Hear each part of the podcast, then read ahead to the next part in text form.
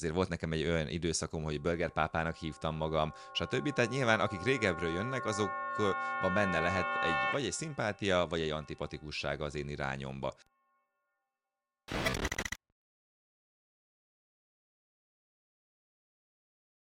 Én vezet, most vagyok először műsorvezető. Marci, Marci tisztje. Na, köszöntünk minden kedves nézőt és hallgatót, ugye? Az fontos, hogy most már a, a podcast adás az nem csak a YouTube-on, Spotify-on, Soundcloud-on is elérhető, Apple Podcast, Google Podcast, de akár még a Deezeren is hallgatható, úgyhogy most már mindenhol elérhetőek vagyunk. Uh, mai adásunknak a házigazdája Csordás Marci, Content in Marketing ügynökség stratégiai vezetője, illetve én Bernát Dani, én a kreatív igazgató vagyok, és vendégünk Jancsa Jani. Podcastjainkben általában marketingről beszélgetünk, marketing trendekről, kampányokról, influencerekről, nyilván bejön kicsit, befigyel az üzleti élet is, és uh, lényegében talán ez ami, ez, ami fontos. Kezdjünk is neki. Jani, hogyha megengeded, akkor egy kicsit bemutatnálak, ez azért fogok egy kicsit puskázni hogy miről is van szó, ha esetleg valamit kihagyok, akkor egészen nyugodtan egészíts ki, de talán azért már itt a hosszú éves ismerettségünkből ezzel nem lesz gond. Tehát Jancsa Jani, burgerfanatikus, pizzaimádó, street food szakértő és gasztronómiai tartalomgyártó, gasztrokarrieredet ugye blogolással kezdted még, most már egész régen, de, de igen, még a burger bloggal, és már azért az egyik legkedveltebb hazai burgerlánc társ tulajdonosaként és kulináris vezetőjeként köszönhetünk itt a podcastben, de nem csak a Bamba Marhába vagy társ tulajdonos, ugye, hanem az AVPN minősítésű Donna Mamma pizzeria, illetve a többszörös Michelin Guide-os Hoppá Bistro is fontos szerepet játszik az életedben, illetve a az övékében. Régi motoros tartalomgyártóként láthattunk már téged online főzős videókban, gasztronómiai rendezvényeken, ugye színpadon, jelent meg könyved, burgeres könyv, rengeteg nyomtatott magazinban láthattunk téged viszont, podcastekben is volt, ahol együtt is szerepelhettünk már, és hát nyilván a social médián is nagyon aktív vagy, Úgyhogy azt gondolom amúgy, ezt beszéltük is a Marcival, hogy azért a magyar gasztroszénának és a, a street foodnak így megkerülhetetlen karakterévé váltál mára, és hát reméljük, hogy ez sokáig így is marad. Uh, remélem nem hagytam ki semmit. Nagyjából azt gondolom, hogy nem, és uh, sziasztok, és szeretnék mindenkit Szia. üdvözölni. Szuper. Illetve hát amivel kiegészíthetjük, ugye, hogy most már azért nem csak itthon tevékenykedsz a gasztró piacon, hanem ugye most már van egy étteremlánc Dubajban is, a, nagyjából a Bamba Marha know-how-ja lett ugye átemelve Dubajba. Bemelegítésnek erről beszélsz esetleg pár szót, mert ez nem biztos, hogy annyira köztudott itthon. Persze, persze, persze. Tehát alapvetően úgy gondoltuk, hogy ami itthon működik, azt miért ne nézzük meg egy ilyen hatalmas nagyvárosba is, ugye, ami például a kokáért Dubáj, és ott jelen pillanatban két étteremben a Gufika Burger címszó alatt lehet megtalálni, ott is én vagyok a felelős az ételek, a javarész és hamburgerek, köretek, szószok és a többi megalkotásáért, és, és jelen pillanatban igaz is egy ilyen teljesen kis különálló sztoriként, de, de szépen fut előre. Abszolút, ugye ezt nekem volt is szerencsém kint kipróbálni, és hát a, a minőség az továbbra is, továbbra is torony magas, úgyhogy ez nagyon jó kis élmény volt. Uh, ugye mai műsorban azt beszéltük, hogy leginkább majd az én márkáról, személyes márkáról, self-brandingről fogunk uh, beszélgetni, úgyhogy itt Jancsa Jani, mint brand uh, leszel tulajdonképpen a, a középpontban. Készültünk hogy azért kérdésekkel, nyilván tehát is beszéltük, hogy miről lesz szó. Talán így kezdésnek akkor most már egy picit így megismerkedtünk, vagy bemutatkoztál, beszéljünk arról, hogy ki is az a Jancsa Jani, hogy jött létre ez a brand, mikor tudatosult benned, hogy brandé válik, úgymond a neved. És hát szerintem ami, ami érdekes, hogy ezt milyen módon építetted föl, tehát egy kicsit, hogyha ezt bemutatod, az szerintem nagyon érdekes lenne. Uh-huh. Tehát alapvetően mondhatjuk, hogy a brand 1986-ban született meg, amikor velem együtt, szoktam volt mondani, Csernobil és én leginkább, nem feltétlen ebben a sorrendben. Alapvetően, amikor elkezdtem ezzel az egészről úgymond foglalkozni, ez teljesen nem volt tudatos, tehát nekem az írásból indult az egész, tehát az első blogomat 2005-ben kezdtem el írni néhány héttel az érettségi vizsga előtt, így akkor még teljesen az volt, hogy akkor a blogolás itthon sem volt annyira még előre haladott, tehát volt talán a Freeblog nevű szolgáltató, egy-két ott felfutott híres blogger, és így nagyjából ennyi, és akkor gondoltam, hogy az ilyen underground iskolai újság és egyéb dolgok után miért ne kezdjek el én is így kis saját klasszikus, hogy ego blogot írni, hogy mi van velem, miért szar az élet, mit szeretek csinálni, hova fog tovább menni a, a gimnázium után, és a többi. És akkor is szépen lassan teltek az évek, fast forward előre, elkezdtem mellette ugye dolgozni, lett egy kis pénzem, akkor elkezdtem otthon főzögetni, éttermekbe járni, megnézni, akkoriban futott fel ez a gasztrokultúra itthon, tehát a házi asszony gasztroblogoknak szoktam ezt kisé ironikusan nevezni, ugye jött be Jamie Oliver, láttam, hogy, hogy ezekből mit lehet kihozni, és mindig ott voltam, ilyen 2010-11 felé, hogy oké, okay, írogattam, tök őszintén túl sok mindent kit a barátaimon kívül ez nagyon nem érdekelt, én ki tudtam így magamat élni, úgymond így a virtuális íráson keresztül történő exhibicionizmusomat, és aztán 2011-ben, ugye, mint szól a legendás történet, tettem egy tök jó burgert az Andrási úton, és ami amúgy már később több szempontból is fontos helyszínné vált az életünkben, így szakmai részről, és aztán utána gondoltam, hogy effektíven miért lehetne egy tematikus blogot csinálni a burgerekről.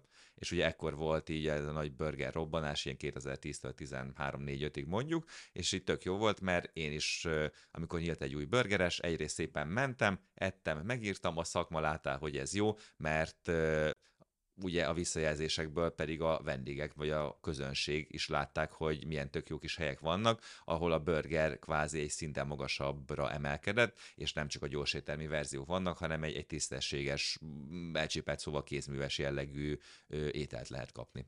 Amúgy nekem az emlékeimben megvan, amikor a Bamba Marha megnyílt először az oktogonon. Uh-huh. Az volt az első étterem, igaz? Igen mert uh, én nekem tökre az volt a benyomásom, bár akkor még csak egyetemista voltam, és nem, nem is dolgoztunk együtt, uh-huh. uh, hogy, hogy egy picit a vége felé ült fel erre a vonatra a Bamba Marha, így a burgerláznak a vége felé csatlakozott be, de ez lehet, hogy teljesen laikus és fals gondolat volt, de mégis tudott egy új szint hozni uh, a burger palettára, mert akkor már azért voltak elődők, voltak, voltak nagy megfejtések, ugye a klasszikus mondásodat patkányburgereket lecserélték azért minőségi burgerekre, a, fast food is egy picit kezdett háttérbe szorulni, hogy, hogy mégis hogyan hidaltátok ezt át? Vagy ö, helyes, amit mondok ezzel kapcsolatban, hogy kicsit későn ültetek fel erre a vonatra akkoriban? Mondhatjuk, hogy későn, bár ezt azt gondolom, ezt inkább csak utólag lézve tudjuk kontextusba tenni, tehát akkor még nem tudtuk, hogy mi lesz a jövőben. Az biztos, hogy szerintem akkor, mert volt egy ilyen kis szép Excel listám, szerintem 300 plusz olyan hely volt, ahol vagy étteremben, vagy csak saját jogon csak burgerezőként, de hamburgert adtak, ami ugye akkor érdekes, hogyha ezt számba veszük, hogy amikor kezdtem 2011-ben, akkor ilyen helyből körülbelül ilyen 40-45 volt. Tehát így szépen, szépen meg nyolcszorozódott, majd hogy nem tízszereződött az egész kínálat, és nyilvánvalóan az volt az egészben, hogy mi bíztunk benne, hogy tudunk egy olyan újdonságot mutatni, ami aztán később be is igazolódott szerencsére Igen. a piac által, hogy olyan burgert összerakni, ami árérték per felhasznált alapanyag per valamennyire különlegesség kontextusában azért olyat mutat, amilyet máshol nem lehet megkapni. Amúgy nem emlékszem, akkor, akkor egy-két barátommal mindig azon, azon nevettünk, hogy megyünk, és ezt az umamit, az ötödik ízt, azt kipróbáljuk. Az, az óriásit ment nálad akkor szerintem a, a blogodon is, Igen. a csatornán is, ahol, ahol YouTube-on, ahol akkor voltál, meg hát a Bamba Marhában is, hogy volt ez az ötödik íz, és akkor ez egy nagy megfejtésnek számított, nem? Igen, és sokan nem is tudták hova tenni, tehát így azon felül azt mondják, ú, mami, tehát nehéz el is magyarázni, akkor tudod, van a sós édes savanyú keserű, és akkor ötödik íz, amit amúgy nem érzel, de a paradicsomba, meg a parmezánba, és akkor, akkor ez nyilvánvalóan tök érdekes volt, meg olyan szempontból az is, hogy, hogy akkor ugye ezt tettem be egy signature burgernek, a Bamba Marha burgernek. Mai fejjel nem biztos, hogy ezt csinálnám, de igazából csak azért is például alapanyagok, tehát gomba van benne, ami egy tök megosztó dolog. Tehát így nem véletlenül nincsen például sok gombás burger, mert nagyon sok embernél az leveri a biztosítékot, hú, gomba én nem szerettem, és mondom, hogy oké, okay, de ez, ez van egyfajta gomba, meg szarvasgomba, ami tök más, és kóstol meg, mert az inkább fűszer, és így nem. És, és azóta még tök jól ment, és tök jól szerencsére beigazolódott, hogy ezt az amúgy mondhatjuk, hogy valamilyen szinten megosztó vagy, vagy különleges burger lett kvázi a névadója a láncnak. Igen, de nekem pont ez volt a benyomásom ezzel kapcsolatban, azért nagyon tetszett, vagy volt kicsit megmosolyogtató, mert olyan volt, mint a, a MacBooknál, tudod, a retina kijelző, vagy az iPhone-oknál a retina kijelző, hogy annyira jó, hogy már szabad szemmel nem is látod. Annyira jó, és itt is az umami az annyira finom, annyira különleges íz, hogy már meg se találod, meg se benne. találod benne. De ott de, van, higgyétek de el. Ott, ott van, kóstold meg. Így, így. Igen. Igen. És akkor a, visszatérve, hogy a Bamba Marhánál volt az első, amikor mondjuk lecserélted a, a billentyűzetet szakácskötényre, tehát ott volt az első próbálkozás, hogy burgereket készítettél, vagy előtte te már azért otthon próbálgattad ezt, és már volt azért rutinod, amikor a Bamba Marha egyáltalán bejött a képbe? Igen, tehát alapvetően úgy történt, hogy itt már effektív az én szaktudásomra számított a frissen összeálló kis társulásunk, tehát itt úgy, úgy kerültem nyilván egy barátságon keresztül én is a képbe, hogy, hogy szakmai oldalról fogom ezt a bamba marhát megtámogatni. Ö, szerintem előtte egy jó két-három évvel én már elkezdtem burgereket csinálni, ugye elején, ahogy mondtam is, csak írtam róluk, meg ettem, és akkor egy ponton bejött a képbe, hogy oké, okay, hogyha már ennyit falatoztam belőle, akkor akár én is megpróbálhatnék csinálni, és aztán, aztán szépen ez a folyamat elkezdődött, nyilván elején volt rengeteg gyakorlás benne, de aztán szépen rákaptam úgymond az ízére, és, és elkezdtem saját kreációkat és kombinációkat is kitalálni, nyilván ez egy ponton videóra is lett rögzítve, és, és szépen azt gondolom, hogy belástam magam, mind az itthoni, mind a nemzetközi, ami talán még fontosabb is, burger irodalomba, és itt értem ez alatt főleg így a, a tengeren túli burger hagyományokat, ahol nem csak, mit tudom én, akkor két-három éve, hanem mondjuk már egy száz éve elterjedt ez a dolog, és, és nyilvánvalóan, amíg nem volt lehetőségem mondjuk Amerikába kijutni, addig azt tudtam megtenni, amire az Amazon biztosított lehetőséget, tehát ami könyv volt, azt fogtam, szépen berendeltem, elolvasgattam, és, és ami tudás volt benne, azt a saját eszköztáramba, amelyik nyilvánvalóan beleillett, azt bele is építettem. Igen, és jól tudom, akkor ekkor még, vagy ekkoriban még volt azért rendes, úgymond polgári állásod, alkalmazottként kezdted Ajaj. ezt el. Mikor jött el az a, az a pillanat, vagy mi volt az, amikor úgy, úgy ö, döntöttél, hogy most már igazából te, mint Jancsa Jani, akár már brandként tudsz működni, és igazából elhagyod ezt, a, ezt az állást? Nem feltétlen kötném össze ezt a branddel. Mm, nyilvánvalóan ugye én 10 évet, 20-10 és felett egészen pontosan, de kiszámolja pénzügyön a vállalati kultúrában, multi katonaként, és én már akkoriban is hagytam volna, hogy nyilván a matek, ami ugye egészen jó állás volt mindenféle kafeteriával, céges telefonnal, meg az anyám kínjával, ez nem feltétlen biztosított egy olyan stabil megélhetési lehetőséget, főleg nyilván egy újonnan nyitó étterembe, ami még a befektetési fázisában volt, hogy akkor én itt nagyon tudja szabadság harcolni a saját anyagi javaimmal, vagy megélhetésemmel megélhetésemmel, úgyhogy szépen mindig írogattam, hogy akkor most ennyi pénz jön be, ennyi megy ki, mikor tudnám azt megugrani, akár tényleg a saját úgymond brandemet felhasználva is, vagy akár későbbiekben ugye a bombákat nézve, hogy hogy senki ne szenvedjen ebből hátrányt, és én magam is, is tök jól meg tudjak effektíve élni. És, és ez akkor jött el, ez 15, hogy is volt? Igen, rá szerintem egy másfél évvel, amikor már a harmadik éttermünk is kinyílt, és akkor nyilván a, a többiek is a kis társulásunkból így jelezték, hogy nem lenne baj, hogyha ezt a pénzügyes úgymond bóckodást ezt így magunk mögött hagyhatnánk, és akkor én is így, mint ahogy a többiek is így fő műsoridőbe tudnék a, az éttermekre koncentrálni, úgyhogy vettem egy nagy levegőt, kiszámoltam, hogy akkor, ha mondjuk évvégén felmondok, akkor a céges bónusz még pont jár, és akkor következő év elején akkor meg lesz, taktikus, ami lesz. Taktikus volt. Hát igen, igen, igen. Viszont a, a, egy, egy ilyen kis zárójeles gondolat ezzel kapcsolatban, amikor készültünk az adásra, akkor több podcastot is meghallgattunk veled, ami veled készült korábban, és ott a whitefülűek azok hallhattak egy érdekességet, amire aztán nem találtunk felelhető emléket, az pedig a rap karriered. Ajaj. Mert hogy ugye te rapper, rapper voltál egy ideig, ezt én, én most nemrég tudtam meg egy podcast adásban szintén. Így bizony. Található Igen. egyébként erről felelhető ö, nyelvemlék?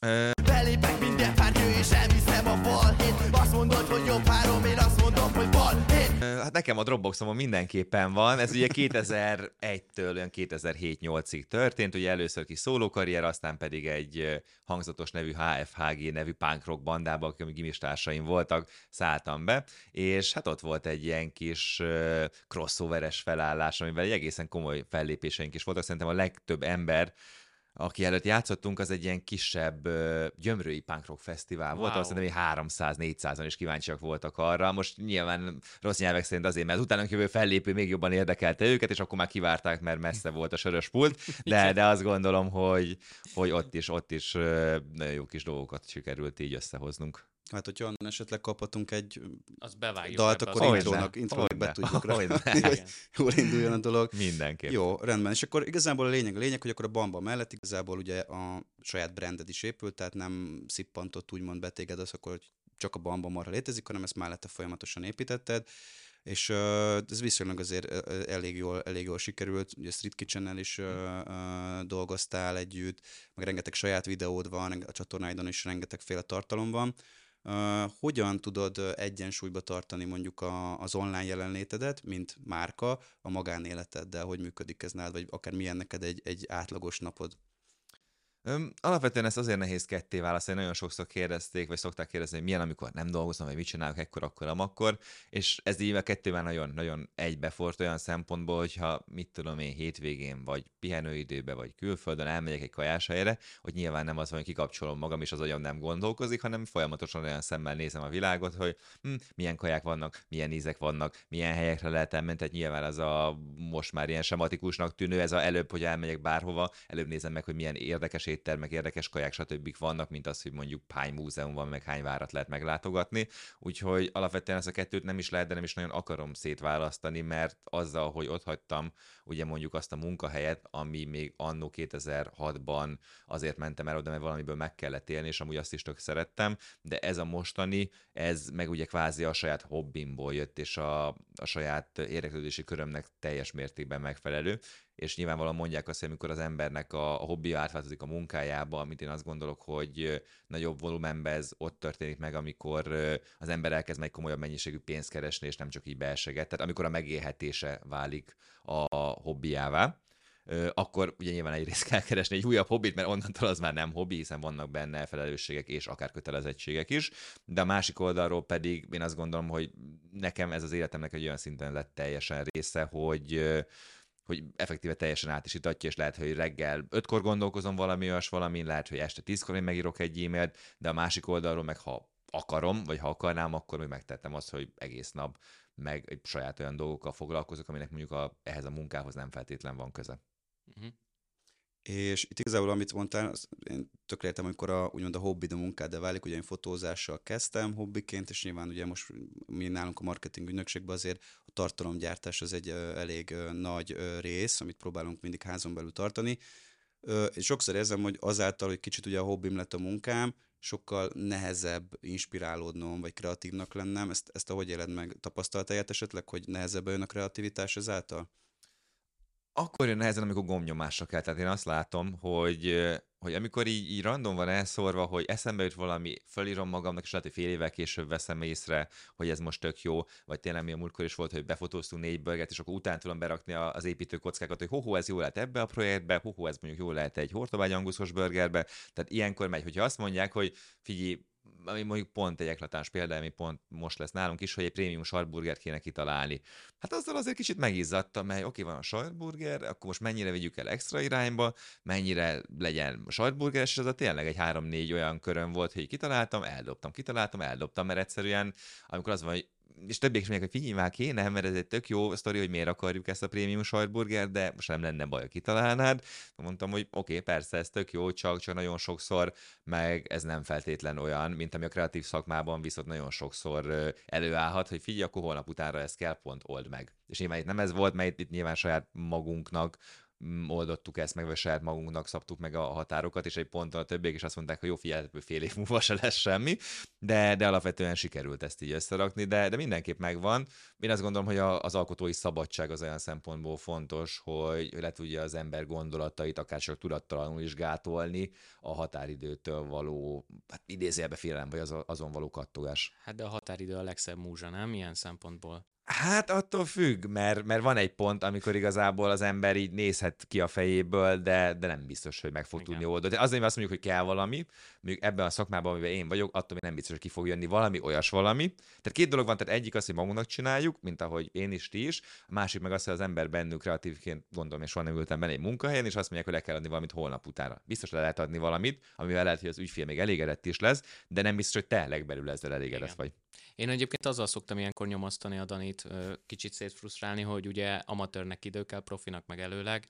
Hoppá. Ezt szoktuk, ezt szoktuk Hoppá. mondani ebben a szakmában. Nem tudom, szerintetek igaz ez egyébként? Működhet ez így? Bizonyos nem, szint felett? Nem gondolom ezt feltétlen, mert ha nem jön, akkor nem jön a, az ihlet gondolat. Igen, amúgy ezzel egyetértek szerintem is azért, amikor kreatív feladatokat kell csinálni, akkor olyan sok minden játszik szerepet, és gombnyomásra nagyon nehéz igazán kreatívnak lenni, de ahogy mondtad, persze le lehet rakni valamit, és nyilván az lehet, hogy mondjuk az ügy, te azt mondod, hogy ez egy 80%-os dolog. És lehet neki 100%-os És az ügyfélnek 100%, de benned van hiányérzet. Igen, és igen, akkor igen. én is így csomószor jövök, és tényleg nyomasztom arc, és akkor most, most mi van? Hát mondom, fiú, nincs kreatív flow, gondolkodok, inspirálódom, nem tudom, nézelődök, jó, de ennek meg kell lenni, ez, ez most nem lehet itt, és tudod, hogy jó, persze. Szóval igen, amúgy, amúgy ez a része, ez a része, ez amúgy tényleg, tényleg nehéz, és, és pontosan, amikor vannak ilyen kötelezettségek, és ugye a hobbidat kell csinálni, akkor, akkor ez nagyon-nagyon tud érződni bizonyos projekteken, hogy jó, oké, akkor most kreatívnak kell lenni, és akkor így ülsz, hogy jó. Igen, és az általában akkor jön be, amikor mások idézőben függenek tőled, vagy neked van felelősséged mások felé, és, és ilyenkor nehéz az, hogy akkor most ezzel mit érdemes csinálni, és nyilván azért jobb egy picit úgy mondom mi helyzetünk, mert nyilván nekem is vannak felelősségeim a kollégáim felé, és vice versa, de én egy ponton fogom tudni azt mondani, hogy figyelj, ez most így nem fog menni, mert á, hülyeséget nem adunk az étterembe, és nyilván a kaja az az, az én responsibility másik oldalról meg, meg most csak azért legyen valami, azért sose csináltunk valamit. Nyilván nektek ez olyan szempontból nehezebb, hogy nem mondhatjátok az ügyfélnek, hogy figyelj, ez most így, várjuk még egy hetet. Igen, igen, hát igen, itt Ugye, hát ez könnyű belecsúszni abba, hogy ugye ismétled önmagad, de hát karriert is lehet arra fölhúzni, mondjuk hát, akár tudod, Delhus vagy John Nicholson Perimano, tehát életen át tartott ez az egy sláger. Szerinted amúgy ezt így le lehet, le lehet hozni, hogyha egy, egy jó move volt az életben mondjuk, egy össze... Van, van trick pony, ahogy mondja igen. ezt az angol. Igen, igen, igen. Vagy, vagy mindig új, meg kell újulni, mindig inspirálódni kell, és újat kitalálni. Hát én azt gondolom, hogy biztos van, akinek ez elég. Én, én például, tehát én is tudnék egy kicsit visszamenve. Tehát nálunk például, és most megint a bombára csatoljak, tehát azért van egy relatív rövid étlap, mert van 10 burger, de az nagyjából mind a 10 markásan különbözik egymástól. És mi is azt találtuk ki, hogy ne legyen az a klasszikus étlapbetegség, hogy van hamburger, sajtburger, sajtburger békönnel, mindez barbecue szósz, és hopp, már is van egy burgerből négy burgerünk, amiben kvázi egy alapanyagot cserélgetünk, de négy különbözőnek adjuk el. És ez bármelyikre föl lehetne hozni, vagy bármelyik burger példájára így alapanyagokat cserélgetve, és még azt mondom, el is lehetne adni, de, de mi annó például, hogy a burgernél maradjunk, nem innen indultunk, és nem is ez a cél, hogy úgymond kamu burgerekkel etessük meg a népet, ami finomnak finom, de tényleg nincs meg az benne, hogy megkóstolod, tehát de tényleg nincs az benne, hogy megkóstolod, és azt mondod, hogy hú, ilyet még nem ettem, vagy tényleg ez új, és nem azt mondod, hogy hm, tök jó, de ez kicsit olyan, mint ami volt fél éve, kicsit olyan, mint a Sloppy Joe burger, ez nem, nem annyira izé. Hanem tényleg azt mondod, hogy hű, basszus, ez, ez tényleg olyan, ami, amire számítottam. Szóval biztos vannak, akik ilyen megúszósra tervezik az egész karrierjüket, életüket, nem tudom, és tök őszintén lehet, hogy nagyon sokszor jobban is járnak vele, mert pénzügyileg per gondolatilag jobban ki lehet jönni, mert én lehet, hogy 10 órát, vagy ti is akár 10 órát gondolkozunk valamin, ők egy óra alatt azt mondják, hogy oké, okay, és a maradék 9 órát pedig tök mással tudják elfoglalni, de én ezt egy percig sem egyrészt irigylem tőlük, másrészt meg én boldog vagyok a folyamat közben, és nyilván ez viszont egy bizonyos fajta szabadság igényt is feltételez, hogy senki ne üsse a fejemet közben, hogy akkor legyen meg. Hát Abszolút. igen, az út De azért ütik nekem is kicsit tegyem hozzá, de, de, de azért értek, hogy mire gondolok. Igen, amúgy erről azt gondolom pont, hogy azért is jó mindig új dolgokat kitalálni, mert szerintem azon keresztül rengeteget lehet fejlődni. Tehát ha mindig ugyanazt csinálja valaki, vagy csak egy kicsit változtat, akkor olyan, mintha egy helybe topogna, és én is szeretek magamat challenge új dolgokat kitalálni, mert tényleg azt úgy érzem, hogy vissza előre, meg gondolkodnom kell, bele kell tenni az effortot, úgyhogy ilyen szempontból szerintem ez teljesen valid. És az se baj ilyenkor, hogy az ember elrontja, mert legalább rájön, hogy hogyan nem csinálja. Persze. Tehát ez nagyon sokszor van, hogy hm, akkor ez nem fog menni, és ilyenkor nincs egy olyan nyomás, hogy valamit ki kell találni, mert ekkor hajlamos az ember azt mondani, hogy oké, okay, nem jó, de hát ha nem veszik észre. Vagy lehet, hogy sokszor nem veszik észre, de ettől függetlenül te meg tudod, hogy ez nem oké. Okay. Persze. Abszolút. Abszolút. Visszatérve kicsit a, ugye a self-brandinghez, azért te online térből indultál, és leginkább az online térben vagy jelen. Van bármilyen olyan offline része a, a márkaépítésednek, ami, aminek azt gondolod, hogy fontos szerepe van a mai napig?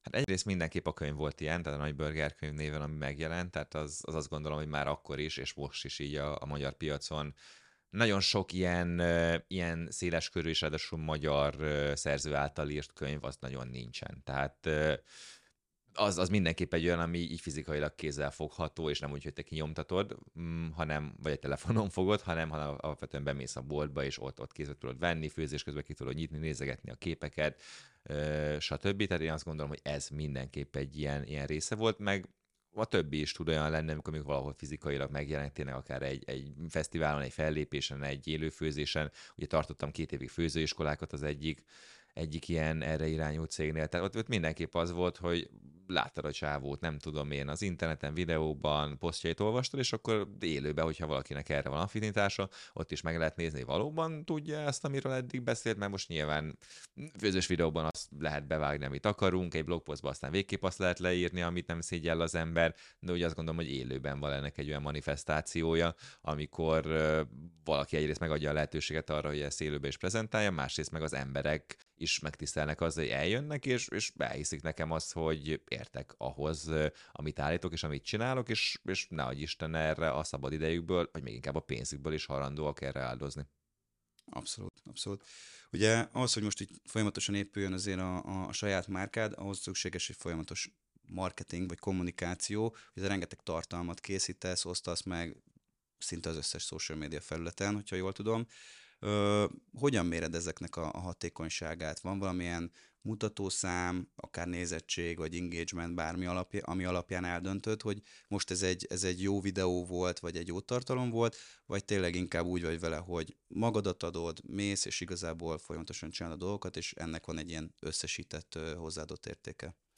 Igen, ez azért nehéz kérdés, mert alapvetően a, a saját személyes márkámra sajnos jóval kevesebb időt tudok rászállni, mint amit így valójában szeretni. Tehát itt még jóval több van a csőben, mint ami kijön, úgyhogy pont ezért így nagyon a statisztikákkal nem is úgy idézőbe frusztrálom magam, tehát most nyilván, hogyha végigvennék mindegyiket külön-külön, még van egy TikTok, ott nagyjából az egyrészt mindig egy ilyen kis útkeresés, hogy milyen videó jön be az embereknek, mi nem, de ott, ha az ember kvázi pár alapvető dolgot szem előtt tart, akkor ott azért lehet hozni számokat. Van egy YouTube, ott azért a legtisztább. Én szerintem azzal foglalkozok így privát életben olyan szempontból a legtöbbet, hogy ilyen utánaolvasás, tréningek, ilyesmit tudjam, hogy mitől megy egy YouTube videó. Nyilván ott az ilyen személyes tragédiám, hogy szerintem elméletben sokkal többet tudok, mint amit valóságban időn van leforgatni egy videót, mert, mert nyilván annak van egy egészen nagy erőforrás igénye, amíg leforgatjuk, tehát eljutunk, hogy van egy nyersanyag, aztán utána megvágjuk, és mivel én csinálok ebben jelen pillanatban mindent, ez így egy egészen hosszú olyan időfázisra tud kiterítődni, ami nem mindig fér bele, de ott például tök jól látszik, ott rengeteg statisztika van, tehát nyilván retention kezdve egy megnézésen át, hogy, hogy és pontra lehet látni, mi az, a, amit máshogy lehet csinálni a későbbiekben, hány másodperc kell legyen az elején a húg, milyen hosszú legyen a videó, honnantól esik vissza szépen a nézettség, és, és ezekből azért tök jól lehet a jövőre nézve is következtetni. Aztán nyilván vannak olyan platformok, mint a Instagram, Facebook, ahol ami személy szerint azt gondolom, hogy kirakod, az vagy megy, vagy nem. Én egyikre sem koncentrálok ilyen szempontból annyira, valamilyen szinten ott vagyok, de inkább a mozgóképes tartalom, ami jelen pillanatban a szívemhez inkább közel áll.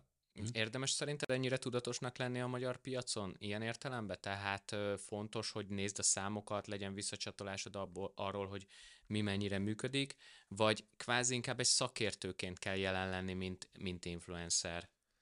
Én azt gondolom, hogy ez attól is függ, hogy az embernek milyen segítsége van és milyen csapata van. Tehát nyilván én ugye a saját self azt egyedül csinálom, tehát itt, hogyha nem nézném, hogy milyen visszacsatolások és milyen adatvezérelt dolgok vannak, akkor effektíven tudom, bekötött szemmel kihajózok, aztán mm-hmm. majd lesz, ami lesz. Egyrészt, másrészt meg tényleg akkor meg minek csinálja az ember, csak ilyen vaktában lövöldözés jellegű kicsit. Nyilván akinek már van, adott esetben más, aki ezt így tudja helyette nézni, ő megengedheti azt az idézélve luxust, hogy csak a szakértőként funkcionál, de, de azt gondolom, hogy, hogy amíg ez nincs meg, az egy szerencsejáték, hogy lehetsz te a legjobb szakértő a világon, más szavakkal megfogalmazva, vagy még egyszerűbben magam szintjére lehozva, csináltad a legjobb burgert a világon, ha azt nem tudod eladni, akkor minek? És nálad az influencerkedés van a Bamba marháért, vagy a Bamba marha van, a, van kicsit a Jancsa Jani berendér?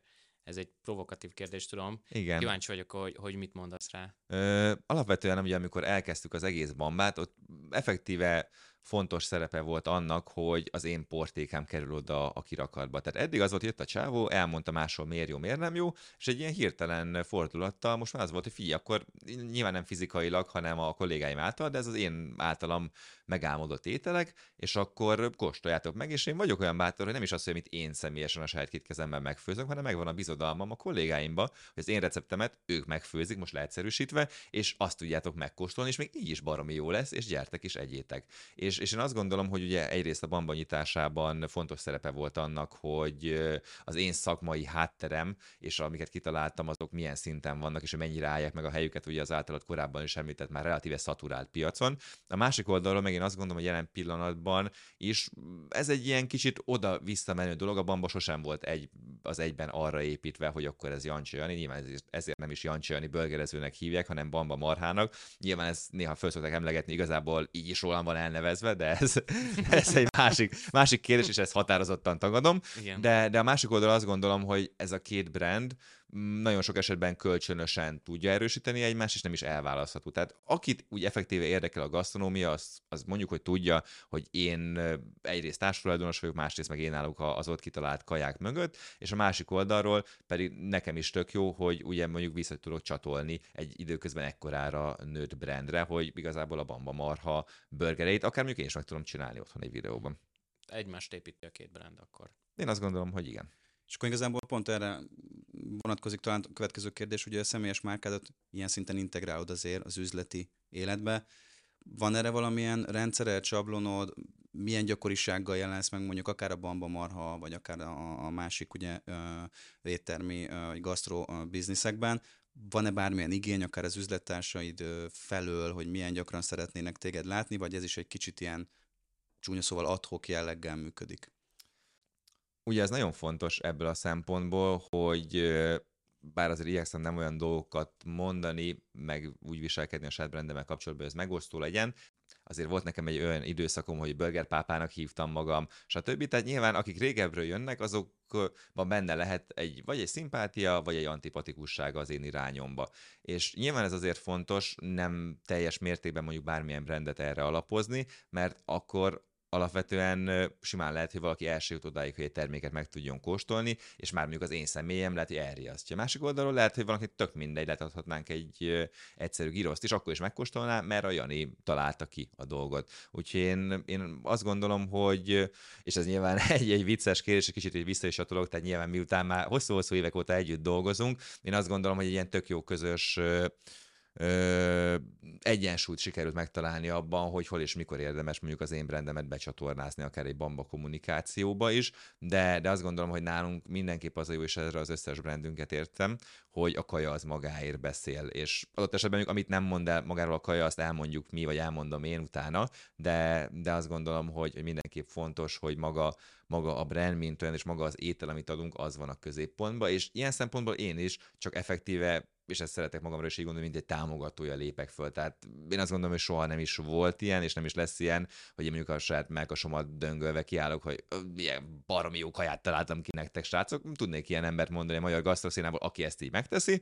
Biztosan működik is neki szemmel láthatólag. Én azt gondolom, hogy mert elértem mind tudásban, mind szakmaiságban egy olyan szintre, hogy, hogy ne így és ilyen módon kelljen bizonygatni, és például ezért is vetkeztem le a közel tíz éve elég erősen szintén provokatív jelleggel saját magamnak adott Burger Pápa becenevet, mert már egyszerűen többet tud az ártani, mint használni. De, de ez a szemérmesség egyébként nem a magyar piacra jellemző, csak így, így eszembe jutott ez a gondolat, mert, mert egyébként ez egy ilyen nagyon amerikai vonulat, hogy elnevezed magad a burger pápának, és, és amúgy nekem egy teljesen befogadható név ez, mert, mert te értem benne egy picit, hogy picit ironizálsz is vele, picit vicces is vagy vele, de, de azért mégis kifejezi azt a szakértelmet, amit te képviselsz.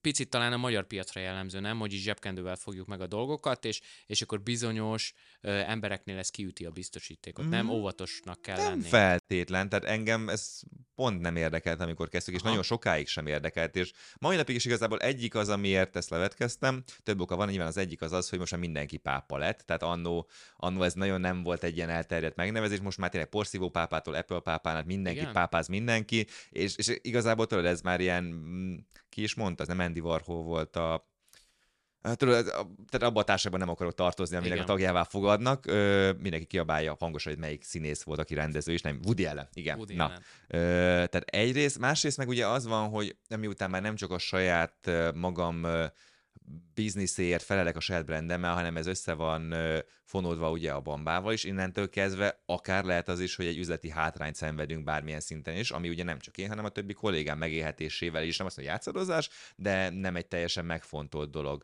És én azt gondolom, hogy viszont pont ilyen aspektusból nézve, az a magyar piac nem akkora, hogy ezt így mindenfajta szemellenzőbe meg lehetne tenni, hogy hm, azt csinálom, hogy nem akarok, akinek nem tetszik, az menjen a francba, mert kis piacra dolgozunk. És itt akárhogy is nézzük, azért minden egyes vevőért vagy vendégért azért kőkeményen meg kell küzdeni, és az ilyen ö, egoista dolgok egy ponton túl nem férnek bele. Hogyha saját magamért felelnék, akkor azt mondom, hogy ez nekem jön be, és akkor lehet ez így szegregálni is a dolgot. Akinek tetszik, tetszik, nem, nem, de itt ugye ennél már sokkal nagyobb biznisz, amit mi építünk, és én azt gondolom, hogy ez a, ez a helyes és a, a tudatos, hova tovább korrekt hozzáállás. Igen. Úgy még pont erre, vagy a legelejére visszakanyarodva itt, a, a, hogy mennyire gyakran jelensz meg akár a Bamba Marha életében, Ugye mi is, amikor az év elején tervezzük a, az éves kommunikációs és marketing tervet a Bamba Marhához, akkor mi is, pont, hogy mondtad, nagyjából érzésszerűen találjuk ki azt, hogy mondjuk te hányszor jelenj meg, vagy milyen kampányokban jelenj meg, és ez valahogy mindig tényleg így tök jól működött már nálunk, de hát most már azért talán az ötödik év, hogy igen. együtt dolgozunk, úgyhogy ö, furra is lenne, hogyha ez nem így lenne. De, de igen, igen, és ez, ez teljesen jól működik mai napig, azt gondolom. Ö, olyan kérdésem van még igazából, hogy ugye a személyes márkádat használod-e valamilyen szinten arra, hogy új üzleti lehetőségeket ö, kutass fel, vagy networkingelsz olyan szinten, hogy mondjuk a, a személyes márkádon keresztül nem tudom, hozol bármilyen együttműködést akár a Bamba Marhának, vagy Donna Mammának, Opá Bistrónak, vagy bárhova időnként vannak olyanok, hogy valaki a privát profilomra ír, hogy ezt nézzük, meg azt nézzük, meg ezt szeretné, azt szeretné. Nyilván azt gondolom, hogy az emberek fejében nem feltétlen választódik ez ennyire külön, mondjuk kétharmad, egyharmad arányban, mint ahogy most ezt így beszélgetjük, hanem hogy ó, Jani hallott egyszer egy bamba marha, akkor a Janinak írok, mert. És sokszor vagy onnan folyik. Én azt gondolom, hogy nyilván, hogyha ez nem lenne, akkor valószínűleg rátalálna mondjuk egy bamba oldalra, vagy másik, másik bizniszek oldalaira. Nyilván azt gondolom, hogy, hogy az emberi könnyedségre való vágy miatt történik mindez. Így kifejezetten csak a saját brandemmel nem feltétlen mondanám, hogy ez hajt így föl külön dolgokat, vagy külön üzleti lehetőségeket, de másik oldalon meg nyilván nem tudni, hogy másban ez hogy született meg, mert lehet, hogy valakinek szimpatikus vagyok, és azért, azért minket keresett meg ezzel a lehetőséggel, nem más például a kokáért, de fordítva is igaz, tehát valakinek nem vagyok szimp, és akkor azt mondja, hogy figyelj, hagyjuk ezt, akkor megyek a, a, a konkurens márkához, és meg se keresem őket, mert ez a hülye ott izé, folyamatosan csak kiabál a videóiba. És mi a célod amúgy a saját brandeddel? Mi az, ami, ami így álom eh, lenne mondjuk, mint Jancsa Jani, hogy, eh, hogy egy újabb könyv eh, vet adj ki, esetleg saját műsor, milyen vágyálmaid vannak ezzel kapcsolatban? Mindenképp az elérés növelése, tehát az uh-huh. van, én azt gondolom, hogy ahogy említettem is, hatalmas nagy lauf van még itt, itt mindenféleképpen, főleg azért, mert a hazai gasztropiac, online gasztropiac, az, az még bőven, bőven elbír jó tartalomgyártókat. Sok és, rossz és van egyébként? Senki nincs. Az van, hogy nem is az, hogy rossz, nem azt mondom, hogy rossz. Ugye van az a generáció, aki ilyen 2005 6 7 8 ban kezdte, ők ezt 10 évet csinálják, mindenkinek megvan úgymond a saját területe, a saját szaktudása, amivel lefedi azokat a dolgokat, a kialakult kapcsolatrendszere és a többi, de nem az, hogy jó vagy rossz, effektíven azt gondolom, hogy nincs. Tehát én most ilyen pillanatban szerintem hogy egy kezemen, de nagyon max másfele meg tudnám számolni azokat az embereket, akik mai kúrensen online gasztrós tartalmat gyártanak. Mondjuk két kezemen, és akkor abban már magazinok is benne vannak. És gyakorlatilag ennyi. Tehát, tehát azt gondolom, hogy bőven, bőven elfér. Elbír még, Bőven, igen, csak megvannak azok a szakterületek, amiket még mindig be lehetne hozni. És akkor itt még nem is beszéltünk arról, hogy ki, hogyan, milyen mögöttes tudással, milyen technikával, milyen gyakorisággal, és minden egyébben csinálja. És nyilván itt egy hatalmas nagy fájdalom nekem is, hogy ha erre mondjuk egy, a nap 24 órát, mondjuk 36-ra ki tudnám bővíteni, akkor még mennyi minden lehetőség van, de, de ez mindenképp egy olyan piac, ami még bőven, bőven elbír tartalomgyártókat. Amúgy uh, beleérted a tartalomgyártókba azokat is, akik csak és kifejezetten mondjuk TikTok tartalmakat készítenek, mert ott azért viszont egyre többen vannak. Nyilván ott azért azt gondolom, hogy nagyon-nagyon más egy-egy tartalomnak a minősége, mint mondjuk egy, egy YouTube-on. Uh, őket is beleszámolod, vagy Ebbe a tízben nem számoltam bele, nyilván ott az, az olyan szempontból könnyesség, hogy már van egy alacsonyabb belépési korlát, tehát egy, egy mobiltelefon és egy tényleg akár egy ilyen annó tészti jellegű videó, hogy így dadogva alá narrálod, és ott is tud ez menni, mert ez nem, ez nem értem, akik beszélni se tudnak, és már izé videókat csinálnak, és 40 ezeren megnézik, de alapvetően erre is megvan a közönség. Nyilván azt gondolom, hogy azon is múlik, hogy az ember milyen célzattal gyártja ezt, mert ugye szokták mondani, hogy YouTube a világ legnagyobb kereső algoritmusa, és ott, ha ezt beleírod, akkor ott egy olyan long form contentet is tudsz csinálni, amit öt év múlva is folyamatosan szépen tud rankingelni, keresnek rá, és mondjuk egy hamburger receptot lesz TikTokon, hogy fogsz keresni sehogy. Tehát valaki, valaki megcsinálta egy, mit tudom én, egy 25-30 másodperces főzős videót, tök jó, lehet belőle 100 ezer megnézése, az is tök jó, majd egyszer talán monetizálódik, és akkor megint az fog változni a piac, most már nyilván afelé tartunk, de még pont egy TikTok olyan, hogy azon felül valakit nagyon meg lehet ismerni, amihez mondjuk az kell, hogy arcával legyen, tehát nem csak az, hogy kezét mutatjuk, mert megint az egész nem ér semmit. Tehát ott is meg lehet ezt csinálni, de azt gondolom, hogy teljesen más közönséget lehet ezzel bevonzani, és teljesen más figyelmi vagy, vagy igen, figyelmi ciklust ad neked, mert lehet megnézni, és utána mész a következő, aranyos kis cica, a pszichológiai videó, a lóinteget a fülével, és akkor így megyünk tovább, még azért tényleg egy YouTube-ba nézői oldalra is bele kell tenni az időt. Abszolút. Igen. És így nagyjából akkor szerintem azt átbeszéltük, hogy hogyan kezdted el, hogyan épült fel a, a, az én márkád. Ugye nyilván azzal, hogy az embernek lesz egy ilyen személyes brandje, azzal azt gondolom, hogy rengeteg minden jár.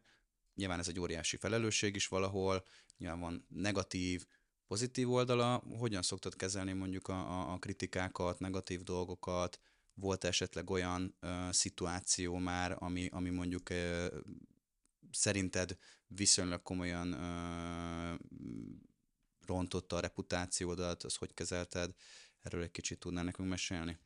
Amikor valaki ezt kérdezi, én mindig a J és Néma Bob című film idevágó jelenete jut eszembe, amikor kinyomtatják az internetes kommenteket hőseink, hm. és elmennek meglátogatni a kommentelőket, és felkérdezik őket. Viccet félretéve, alapvetően szerintem én a ilyen csetes, online beszélgetős pályafutásom az még, még régebbre nyúlik vissza, mint a blogolós, tehát még 2000-2001 körül ilyen IRC csatornák és társai a gimnáziumban lett, és ott az a shitstorm, ami ment, az, az bőven megalapozta azt, ami később az interneteken megy manapság, hogy ez a blogok kommentjei, aztán Facebook különböző social posztok alatt.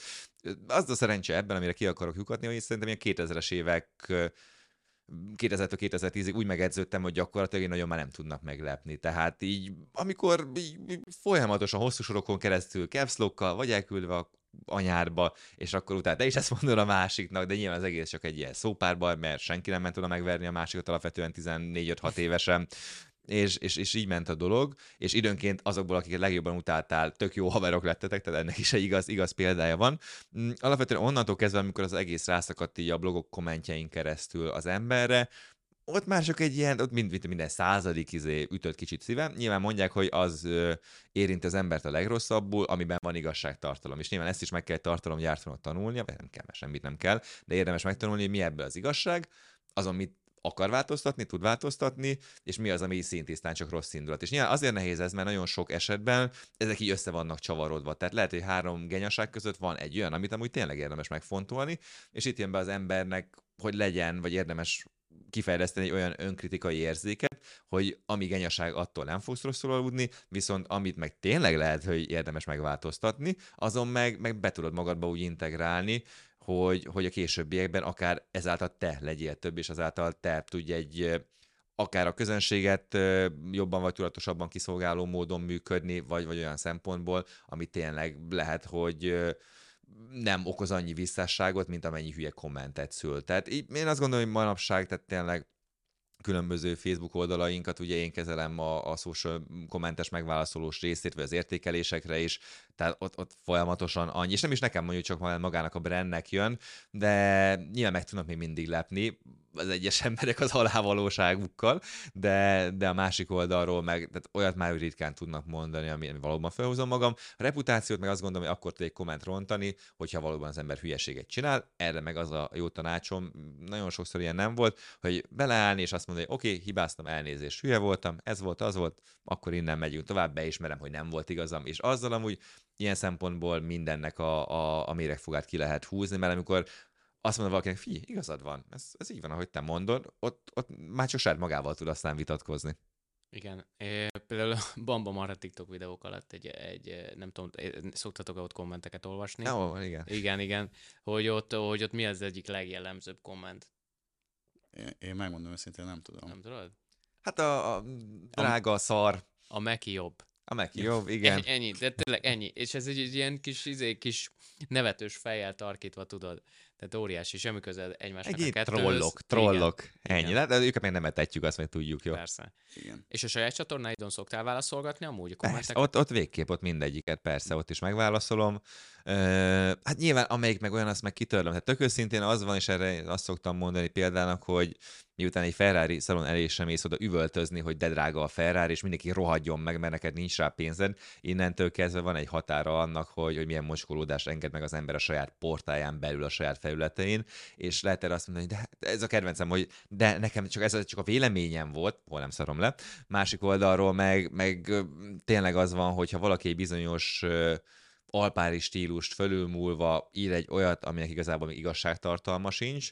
Tehát tipikusan ez, amikor elmegyek mondjuk egy helyre kajálni, és akkor arról csinálok egy ilyen kóstolós videót, és akkor így, ó, hát azért mondtad ezt a sok, mert lefizettek, meg izé, és akkor mondom, hogy haver. Tehát így kérdez a helytulaját, kérdez meg engem, nem fizettek le, de mondjuk az ilyen, ezt miből gondolod? És akkor a és így sokszor van, hogy aztán őkért bocsánatot, amikor így elkezdünk beszélgetni, és rájön, hogy igazából hülyeséget írt, de, de alapvetően azt gondolom, hogy hogy, hogy fontos az, hogy az ember a saját, hát mondjuk az, hogy közönségével, de azzal az, tényleg azokkal az emberek, akik rászánták az időt, hogy megnézzék a videót, azokkal ki tud alakítani egy kommunikációs viszont, mert a későbbiekben nyilván belül lesz az, aki megnézi a következő videót, feliratkozik a csatornádra, ne adj Isten, van egy fizikai terméket, azt megveszi, eljön egy rendezvényedre, és, és ez egy ilyen kiaknázatlan lehetőség lenne, hogyha valaki, meg hát nyilván sokszor van ilyen, hogy valaki nem kommunikál azokkal az emberekkel, akik tényleg még a hülyeséget is bizonyos határokon belül, de rászánták az időt arra, hogy beírják azt oda, mert, mert alapvetően azt gondolom, ez így a korrekt. Hát, bár bevallom őszintén, ugye nekünk volt legutóbb egy, egy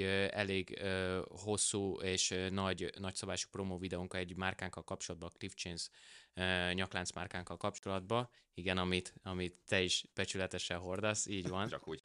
És uh, és ott csináltunk egy egyórás mixet, és ott a kommentelőknek ugye a legnagyobb problémája az az volt, hogy ki, ugye háttérbe tettük az agregátort, hogy ne látszódjon a felvételeken. Úgy szabadba vettük fel ezt a DJ szettet, tehát ha. látvány volt a lényeg, sorskút, panoráma, minden, és a kommentelők legnagyobb problémája az volt, hogy hol van az agregátor, ez kamu az egész, itt nem is játszik a DJ, nincs is zene. És, és, és erre most mit mondasz? De ott van az agregátor. Nem? Igen. Én gondolkodtam, mert a, a, a klip elején egy pillanatig látszik, ott a, a, a bokor aljába volt ha. rakva, hogy csinálok egy screenshotot egy óriási nyíllal, hogy, hogy itt van, van, itt van, de aztán úgy voltam én is, hogy nem szánok erre időt, mert tényleg igazából, ami nem építő jellegű, azt, azt ugye el kell engedni. Úgy kicsit az, amit mondtál, arról nekem a Marcival az egyik kedvenc könyvem jutott eszembe, a, nagyon szeretjük a Ryan Holiday-t, aki inkább ilyen sztoikus filozófiával foglalkozik. Neki van egy könyve, az Ego az ellenség, ami pont erről szól, amit te is mondtál, hogy, hogy ezeket fel kell ismerni, hogy mi az, amiből lehet építkezni, tehát mi az, ami, amit tényleg jogos, és mi az, amivel felesleges foglalkozni, és azt gondolom, hogy ez egy tök jó hozzáállás a dolgokhoz, mert így azért sokkal könnyebb tud lenni az élet. Igen, meg nyilván ez feltételez valamilyen szintű önismeretet is, hogy ne forduljál be, amikor valaki mond azt, hogy hülye vagy. Most valaki ezen elkezd gondolkozni, ú, tényleg hülye vagy, hú, ah, akkor azt mondja, hogy te vagy hülye, miért vagy indokold, meg vagy hagyjuk, mert miért vagyok, hogy hülye. De nyilván itt az van, hogy az emberről, meg egy bizonyos fajta nyilván ego, meg nagy pofájúság, hogy egy része meg leperegjen róla, hogy azt mondja, békén ezzel a izével, de én azt gondolom, hogy aki normálisan jön oda hozzád, az, és normálisan mond egy kommentet, azt a mai napig én is teljes mértékben normálisan kezelem, mert, mert egyrészt megérdemli, másrészt meg, mert simán lehet, hogy igaza van. Tehát így bele kell gondolni abból, hogy ő milyen cipőből vagy szemszögből nézheti ezt, és miért gondolhatja ezt. És mert nyilván, ha valakiben ez megfogalmazódik, akkor benne van a pakliban, hogy tényleg nem egy, egy hülye az ember, hogy te adtál erre okot. És, és akkor neked is érdemes elgondolkozni, hogy lehet, hogy mindig a kis vonat a hülye, de hogyha a te viselkedése valaki másból egy ilyet hozott ki, akkor az vajon miért lehetett? És akkor oda eljuthatsz a végén, hogy igen, ezt meg akarhatom, lehet érdemes megváltoztatni, ezt nem, mert tényleg a másik az egy olyan nyakatekert hülye úton jutott el ide, hogy te semmit nem tudsz ezzel kezdeni, és inkább ez őróla szól, mint te rólad. Pszichológiai képecünket hallhatták. Szép, szép. Szép. Kicsit ugye visszakanyarodva, most akkor beszéltük, hogy annyira sok minőségű gasztrótartalom gyártó a, a magyar piacon, az, az jelenleg akkor így nincsen, de nyilván azért vannak, vannak páran, akik szintén egy, egy magas minőséget képviselnek, Persze. mint te. Hogyan tudod megkülönböztetni saját magadat mondjuk tőlük, mitől más Jancsa Jani videókat nézni, vagy tartalmakat fogyasztani, mint bárki másét? Én azt gondolom, hogy két fajta, mondjuk így, így tartalommal maradjunk az egyszerűség kedvéért YouTube-nál. Vannak ugye nyilván általában nagyobb magazinok, akik ugye több szereplővel operálnak, pont emiatt nyilvánvalóan nem feltétlenül egy karakterre építenek, hanem lehet ez is, az is, ezt csinál, sütit, azt csinál, mit tudom én, húsos ételt, a harmadik meg bohóckodik, és akkor ez itt tök jól el van. A másik meg az, aki szintén olyan, mint én, hogy egy kvázi self-brandet csinál, saját karakterére épít, és akkor ennek a, a különböző, amit ő gondol a gasztronómiáról, azt mutatja be a, a videóin keresztül. Én azt gondolom, hogy, hogy alapvetően, hogy az ember önmagát adja, akkor, akkor már ez egy olyan dolog, ami megkülönbözteti mindenki mástól, és lehetne még öt burgeres ember, aki burgerekről gyárt kontentot például, hogyha mindegyik nagyságrendekkel, tehát egy saját karaktert tud építeni, és nem mondjuk azt más olyan, amit öt éve látott az interneten, akkor ez már egy olyan dolog lehet, a, még a vizuális megjelenés és minden egyéb mellett, ami már magában annyira el tudja különíteni a kontentet, hogy az emberek nézzék. Ugye ez is egy nagy igazság a videógyártásban a YouTube-ban, elején, amikor még kevés követője van az embernek, akkor az emberek általában arra kíváncsiak, hogy mit csinál, és nem arra, hogy ki csinálja. Tehát érdemes, én azt gondolom az elején arra koncentrálni, hogy mi a topikot. Tehát miben vagy te jó, miben vagy te hozzáértő, miben van neked tudásod, amit mondjuk át szeretnél adni a, közönségednek. És ez nyilván egy szórakoztató tartalom, egy edukatív tartalom, akármilyen. És nyilván később évben, még Magyarósi Csaba ennek egy tök jó példája, aki egy ponton túl meg bejutott arra a szintre, hogy igazából ő már bármit csinál, tehát mutathat be házakat, elmehet burgerezni, beszélt a politikáról, meg egy nem tudom, autót vezethet, igazából tök mindegy, mit csinál, mert az ő személye vált érdekessé ponton, és nyilván ennek van egy ilyen átborulási határa, amikor, amikor az van, hogy azt mondja, hogy igazából lehet, hogy mindenféleről beszélek, és lehet, hogy ezért közönséget fogok veszteni, de bevállalom, mert hogy már az én karakterem van annyira, azt gondolom, kifejlett és érdekes, hogy, hogy belemerek menni ebbe az utcába, és ez azt gondolom, hogy nagy bátorság kell ehhez, és tudni is kell, hogy mikor lehet ezt meglépni, és sokan itt hibázzák el szerintem, hogy túl hamar akarnak saját magukra koncentrálni, és, és azt gondolni, hogy ők baromi érdekesek lesznek, és ők a világ közepe. Nem azt mondom nyilván, hogy, hogy saját magadat háttérbe kell szorítani, meg kell mutatni mindenképp, de nem szabad arra fókuszálni feltétlenül veled mi van, hanem egy ilyen megfelelő egészséges arányba kell amellé tenni, hogy te a topikban, vagy a nisdán, ahogy mondja az angol, tehát abban, amiről te beszélni akarsz a videóidban, hogy amellé mennyire tudod becsempészni a saját egyediséget, egyediségedet, és ez a kettő tök jó arányban van, akkor van egy tök jó növekvő csatorna. Abszolút. Itt még a, az én márkával kapcsolatban van egy érdekes dolog, amit szerettünk volna mindenképpen megkérdezni tőled, mert most egy picit így a buktatókról beszéltünk, vagy a nehézségekről talán. Uh, nyilván van ennek az egésznek egy, mivel úgymond ez egy, tényleg egy márka, a, a márkaként kezeljük olyan csanit, van ennek egy jogi, jogi oldala igazából. Volt-e már bármilyen olyan jogi eset, amikor ügyvédhez kellett nyúlni, kicsit úgy érezted, hogy fú, nem is érted, hogy miért vagy ebbe a szituba, foglalkozol-e bármilyen szinten ennek az egésznek a jogi hátterével, uh, igazából erre lennénk így kíváncsiak. Volt egy nagyon vicces eset, amikor az egyik meg nem nevezett burgerező úgy gondolta, hogy Burgerpápa néven csinál egy házhoz szállítós szolgáltatást. Hát, küldi át haverom, hogy ez te vagy. Hát mondom, én bamba marhát csinálom, és én nézem, Burgerpápa mondom, az anyátokat. Úgyhogy nézegettem, azért relatív hamar be lehetett azonosítani a cím alapján, mert az egyik mm-hmm. kiszállító szolgáltatás, hogy ez mellé írja, hogy akkor melyik címről van, rögtön be is lőttem, hát mondom, srácok, akkor itt most nem én fogok veletek beszélgetni, hanem akkor kerítünk egy ügyvédet, akivel egy, egyrészt megnézzük, hogy van erre jogalapom, mert most nyilván az ember burgerpápának elnevezi magát, nem tudom, 26 évesen, nem feltétlenül gondol arra, hogy ennek bármilyen jogi konnotációi lesznek mondjuk 10 Persze. év múlva. Ellenben ez mind a saját tehát nagyon sok embernek ugye burger pápaként voltam még egy-két évvel ezelőtt is, és azért ez benne volt, hogy egyrészt fals módon velem azonosítanak, másrészt ő se voltak hülyék, nyilván nem véletlenül választották ezt a nevet, nem csak úgy megszállta őket, én azt gondolom a Szentlélek. Úgyhogy beszéltem az ügyvéddel, mondta, hogy hát gyűjtsem össze, hogy milyen korábbi megjelenések vannak a burger pápaként, hát volt néhány szó se róla, és így elküldte nekik, hogy akkor ezt így relatíve jó lenne, hogy hamar abba hagynák, és hogy, hogy nem, nyilván ott is az a válasz, hogy hát nem is tudták, mondom, persze, pontosan jól tudtam, hogy tudták, hogy és akkor utána le is szedték. Tehát ez érdemes figyelni, és nyilván itt a különböző jogvédettségi dolgok, védjegyek és, és egyéb dolgok kerülnek szóba.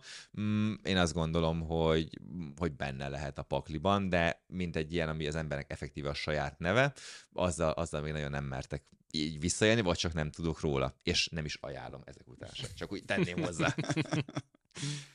igen, igen.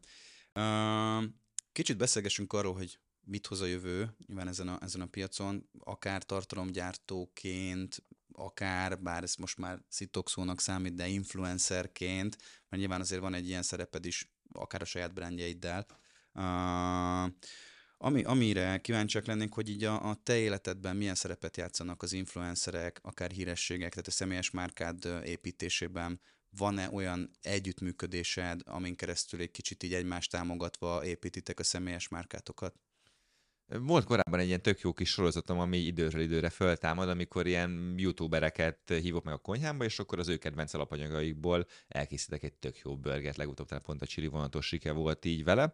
És egy, azt gondolom, hogy, hogy az én kollabok azok tök fontos és tök jó dolgok. Nyilván, amit ugye mondtam korábban, hogy egy főzős videó elkészítésének van egy X ideje, mondjuk ennek van egy két X ideje, mert még másik emberre is össze kell szervezni a dolgot. Valószínűleg ő is dolgozik, én is dolgozom, tehát az, az nehéz, de azt gondolom, hogy mindenképpen megéri, mert itt egy olyan közönség, vagy ilyen kollab esetében olyan közönség előtt tud az ember bemutatkozni, akik mondjuk adott esetben, főleg ha nem az ő zsánerében vannak, nem is feltétlenül hallott még róluk. Tehát én azt gondolom, hogy ez jövőben sincs elfelejtve, tehát nekem egy nagyon-nagyon hosszú listám van arra, kikkel szeretnék mondjuk egy közös videót megcsinálni, és ne legyen akár csak pár ezres követőbázisú egy egészen nagyokig, mert, mert azt gondolom, hogy ez maga a topik a szökő, és az étel, egy jó étel, az pedig mindenkit összehoz, és egy jó burger pedig mindenki szeret, és lévén, tehát vegán burgert is csináltam már ilyen aspektusból nézve, nem tudom, 5000 kalóriásat is, tehát ez pont egy olyan befogadó közeg, ami mindenki tud értelmezni, és azt gondolom, hogy mindenki szeret. Tehát még visszatérve a kérdésedre, azt gondolom, hogy az ilyen kis együttműködések azok tök jól tudnak két akár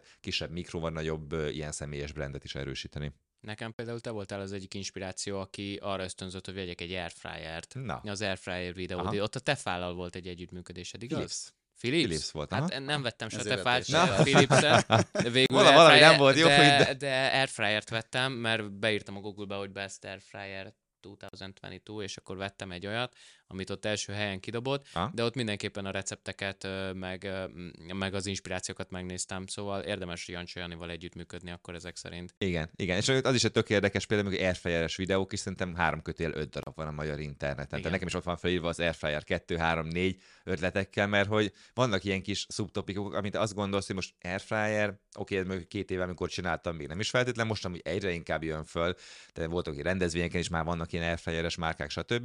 De itt pont egy jó példája annak, hogy egy jó ötlettel amúgy, és folyamatosan jönnek be a nézettségek. Tehát látszik, hogy az emberek folyamatosan keresnek rá, és az ember pár ilyet rá tud tappolni, akkor, akkor ezzel egy egyszeri kvázi erőfeszítéssel a későbbiekben meg tök jól meg tudja alapozni a saját úgymond hírnevének a különböző kis talfáit is. Igen, de akkor viszont az fontos nálad, hogy neked a YouTube a fő csatornád a mai napig is. Én igazából. azt gondolom, hogy igen, nyilván a TikTok az is nagyon jó, ott nem látom azt, hogy hova lehet ezt kifuttatni. YouTube-nál ott van egy tök jó monetizációs modell, ott, ott azért van mögötte tényleg egy olyan algoritmus, amit, amit hogy az ember ügyesen fog meg, akkor nem lehet arra fogni, hogy hú, hát az algoritmus nem szerette, és, és valamiért, amit TikToknál tudjuk jó, hogy, hogy ott azért nagyon sokszor az van, Igen. hogy ha nincs szerencsés csillagzatod egy videóval, akkor az akárhányszor rakod fel, az nem fog futni és nem rossz a videó, mint az összes többi, de azt gondolom, hogy nyilván ott, ott, a, ott a nagy számok tudnak az ember számára nagyon vonzó lenni, hogy akkor megnézték százezren, és nekem is vannak ilyen videóim, tök jó, csak a nap végén azon felül, hogy nézegettem, hogy mennyire kurva jó, meg tényleg ilyen drog jelleggel 5 percenként nézem, hó még több, hó még több, hó még több, és el tudom mondani, hogy vagánykodni abban a, a közegben, vagy abban a úgymond burokban, ami egy nagy burok, de hogy ennyien megnézték a TikTok videót, Há, hű, tök jó, de a nap végén, jelen pillanatban, hogy most itt beszélgetünk, ezzel sokkal többet nem érünk, maximum az, hogy még többen felismernek, vagy még többen látják a fejemet, ez kérdés kinek mennyire fontos. Ilyen YouTube-nál azt gondolom, hogy egy stabilabb és, és egy olyan dolgot lehet megteremteni, jóval inkább értékként is számíthat. Mert, mert az könnyebb visszakeresni, könnyebb reflektálni rá, és, és tényleg egy, egy olyan kiterjedtebb információ halmazt lehet ott átadni, ami az emberek életébe és jóságot hozhat, ami ugye az én tekintetemben az, hogy segítek nekik olyan kajákat egyrészt elkészíteni, amiktől, amik nekik ízleni fognak, és ezáltal boldogabbak lesznek, vagy olyan helyekre eljutni, ahol még nem jártak, de adott esetben érdemes lehet megkóstolni őket. Sokan csinálják egyébként azt, hogy a YouTube tartalmaikhoz készítenek egy ilyen rövid vágatot, egy ízelítőt Hát igen, egy ilyen, TikTokra, egy, és igen. akkor vagy lemutálod oda, és akkor Igen. az, az is megvan. Hát igen, nyilván ez már csak egy nagyon fragmentális része az egészre ráfordított időnek, de én lusta disznó módjára nagyon sokszor pont azt a végét, az még plusz egy-két óra, azt mondom, az nagyon nincs kedvem, amikor 8-10 órát foglalkozom egy videóval, és tök őszintén pont az a baj, az a kicsit pont ezért hagyom el, mert tök őszintén, oké, ott van tök jó, meg nő is, de nem feltétlen látom annyira, mint amennyire az a két óra nekem kellett másra. Amúgy sokan mondják ezt a szakmában, nem csak gasztro területen, hanem más, más területen is. Volt is már az előző podcast adásunkban beszélgettünk pont arról, hogy tök jó a TikTok megtekintéseknek a száma, hogy óriási, de hogy ezt valós eredményekben e, e, látni, vagy valós eredményekre átfordítani, az, az kérdéses. Tehát óriási márkaismertséget lehet vele elérni, de nem minden megtekintés fordítható konkrét vásárlásba, azt hiszem így hangzott el előzőleg ez a mondat, és amúgy ez teljesen igaz ilyen értelemben is szerintem. De még nem is kell feltétlen vásárlásról beszélni, nyilván akinek van egy olyan biznisz, de most milyen nálunk a Bamba, ahol ez a tud csapódni a végén. Nekem meg tudja venni a könyvet, meg lehetnek későbbiekben is ilyen termékeim, de én nem vagyok arról meggyőződve pont egy TikToknál, hogy tényleg ez a aranyha memóriájú nézők most semmiképpen nem negatívan kifejezve, tényleg amikor én is amikor pörgetem a TikTokot, akkor 50 videót megnézek egyszerre, nem vagyok rá meggyőződve, hogy neki annyira megragad egyszer, kétszer, háromszor az agyában az, hogy mi van, hogy van. Pontosabban mellette megragad még 30 másik dolog is. Nem vagyok ennek a valós kivetüléséről én személy szerint annyira meggyőződve, mint mondjuk amennyit tényleg egy, egy hosszabb idő megnézése által beleinvestált YouTube videó jelenti. Igen. Igen. Bár mondjuk nálunk is a TikTok azért inkább egy ilyen támogató csatorna, igen, hogy az ügynökségi, ügynökségnek is van TikTok csatornája, vannak vannak 400 ezeres megtekintésű videóink is, vannak, amik el sem akarnak indulni, ahogy mondtad, de például pont a podcast adásoknak is csinálunk ilyen kis ugye short videós változatot, mm. ugye ezt kitesszük TikTokra, YouTube Shortsra, Instagram Reelsbe, mindenhova, és amúgy azt látni, hogy azért így csöpögteti át a nézőket, tehát, tehát megmozgatja őket valamennyire, hogyha nyilván érdekes a téma, de tényleg csak mint ilyen támogató funkciót lát el jelenleg. Hát a hirdetési platform sincs annyira kiforva a TikTokon, hogy, hogy egy olyan konverziós gépezetté lehessen alakítani, mint, a, mint mondjuk a Google-ben vagy a Facebook, Instagram oldalakon.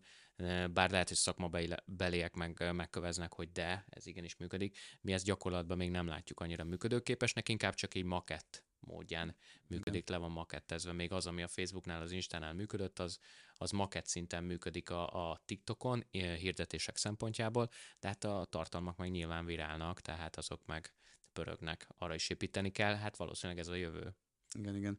És amúgy a TikTok tartalmaiban próbálsz egy kicsit organikusan a csatorna igazából viccességére fókuszálni, tehát nyilván a TikTokon általában a könnyedebb tartalmak mennek, vagy a trash, vagy tényleg ezek a nagyon vicces dolgokat próbálsz egy kicsit másképp kommunikálni, vagy ott is olyan vagy, ugyanúgy, mint a YouTube-on, csak mondjuk a, a videó formátumában változik ez, hogy ez egy álló videó hogy nyilván ez ilyen szempontból szerencsés egy picit megengedő platform, tehát az ilyen égbe kiáltó hülyeségek simán mehetnek, most legutóbb mit tudom én, a meg is erős pistás burgerrel, kicsit ilyen izébe, ilyen izé, különböző dolgokkal, meg arckifejezésekkel, de volt már olyan, nem is tudom, hogy oreós, vagy batmanes oreo tettem egy burgerbe, meg ilyen, ilyen baromságot, amik is meg simán ott elfér, meg a fánkos. Igen, de a másik oldalon meg például volt az első ilyen videó, egy burger suli néven, ahogy egy ilyen basic sartburgert raktam össze, és igazából az is tök jól megfutott. Én azt gondolom, hogy, hogy meg lehet ezt viccesen is csinálni, és ez, pont egy ilyen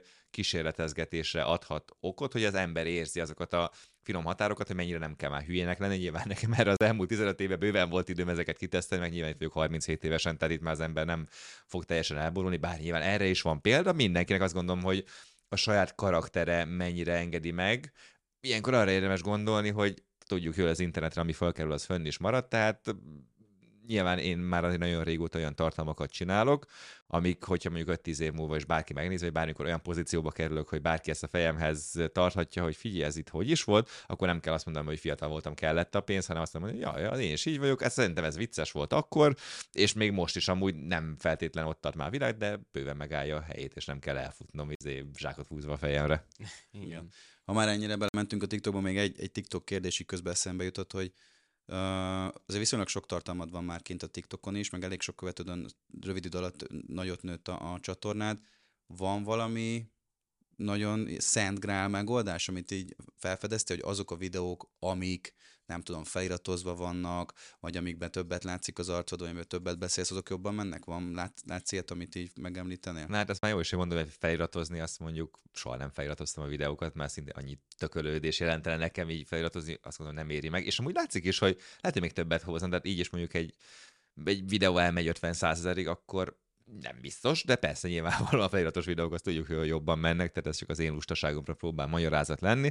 Azt gondolom, hogy van egyrészt olyan topik, ami, ami mondjuk nagyon hot, tehát az, az mondjuk pont ez a erős pistás meg is történet volt, hogy láttam, hogy aznap jött ki, hát mondom, akkor itt most a vizének, tudatos étkezésnek most hátat fordítunk, és berendeljük, megcsináljuk. Nyilván VR Pisti hamarabb megcsinálta, szóval igazából már mindegy volt, de ettől függetlenül, pont ennek ellenére, vagy pont ezért, ez is tök jól megfutott. És nyilván az van, tehát meg is, tehát egy ilyen gyorskajás content, Burger King, KFC, ne hagyjuk ki őket se, mindig tök jól mennek, tehát amik az emberek, amiket esznek. Hát a bűnözés, tehát, tudod, igen, ott van a, a csábítás igen, érzése. Igen, igen, igen, igen, igen. Meg hát most elefántcsontolimból üldögéltünk itt, hogy hobamba marha, de az emberek, de megnézzük, a megiket teli vannak, meg a gyors éttermeket, tehát nyilvánvalóan rengetegen esznek, és ugyanak az emberek fogyasztják a TikTok kontentokat is. Azt gondolom, hogy nyilván gyors vágás, jó hang, jó kép, azért lehet csinálni mobiltelefonon, de úgy se kell úgy kinézni, mint egy kaputelefonnal lőtted volna. Tényleg az, hogy egy-két másodpercenként legyen benne vágás, nem hosszú, hosszú tarbéla is nittek, mert az megint lehet valakinek működik, és mindenre van példa, hogy működik. De én azt vettem észre, hogy legyen pörgős, zene, én azt gondolom az algoritmusnak biztos, hogy fontos, de nem feltétlenül azt szegregálja a videót, hogy most jó legyen, vagy nem jó legyen, hogyha mondjuk tényleg a trendingből választ az ember. Meg alapvetően legyen érdekes a content, és, és legyen olyan, amire az emberek tudnak viszonyulni, és nyilván a kaják úgy relatíve szexin levideózva, és van mögöttes valami tartalom, az már úgy azt gondolom, hogy elég tud lenni ehhez. Uh-huh. Abszolút. És lassan a végéhez közeledve van egy kérdés, ami, ami sokkal inkább már gasztró vagy gasztromarketing téma lenne. Nyilván neked ez hazai pálya, mi is sokat dolgozunk azért gasztróban, vagy azt gondolom, hogy azért elég nagy rutinunk van. Mi a véleményed a hazai gasztro marketingről, így olcsozán illetve mennyire tartott kreatívnak a hazai gasztromarketinget? Nyilván itt ugye azért vannak, van ennek sok aspektusa, meg mm, anyagi oldala miért nem kreatív, nem tudom, de hogy te mit látsz így, hogy a gasztromarketinggel kapcsolatban itthon? Hát azt gondolom, hogy a gasztromarketing az olyan szempontból nehéz téma, hogy rengeteg étterem van, és rengeteg olyan hely van, aki effektíve hasonló profillal, de a saját portékáját szeretné eladni, és nyilván ilyenkor mindig egy fontos kérdés az, hogy egyrészt mit mutatsz magadról, most nyilván itt a az éttermeket, meg a marketingünket azt most az egyszerűség kedvére egy kalap alá veszem, noha nyilván nagyon sokszor, ahogy mi verziónkban is ezt egy, egy ügynökség csinálja, és mondjuk az étterem az, az ettől külön van, de azt gondolom, hogy egyrészt mutatsz magadról valamit, a másik meg az, hogy valójában a termék mennyire felel meg ennek a, a bemutatott kép által generált elvárásnak. És nyilván akkor szerencsés ez, hogy az egész egy olyan szimbiózisban van, hogy mutatsz valamit, és mondjuk az olyan szempontból önazonos, hogy azt is kapod az étterembe. És nagyon sok esetben azt gondolom, hogy nem feltétlen mindig mindenhogyan ez jelenik meg ebben a marketingképben. Másrészt meg mm, sokszor van, hogy, hogy inkább a,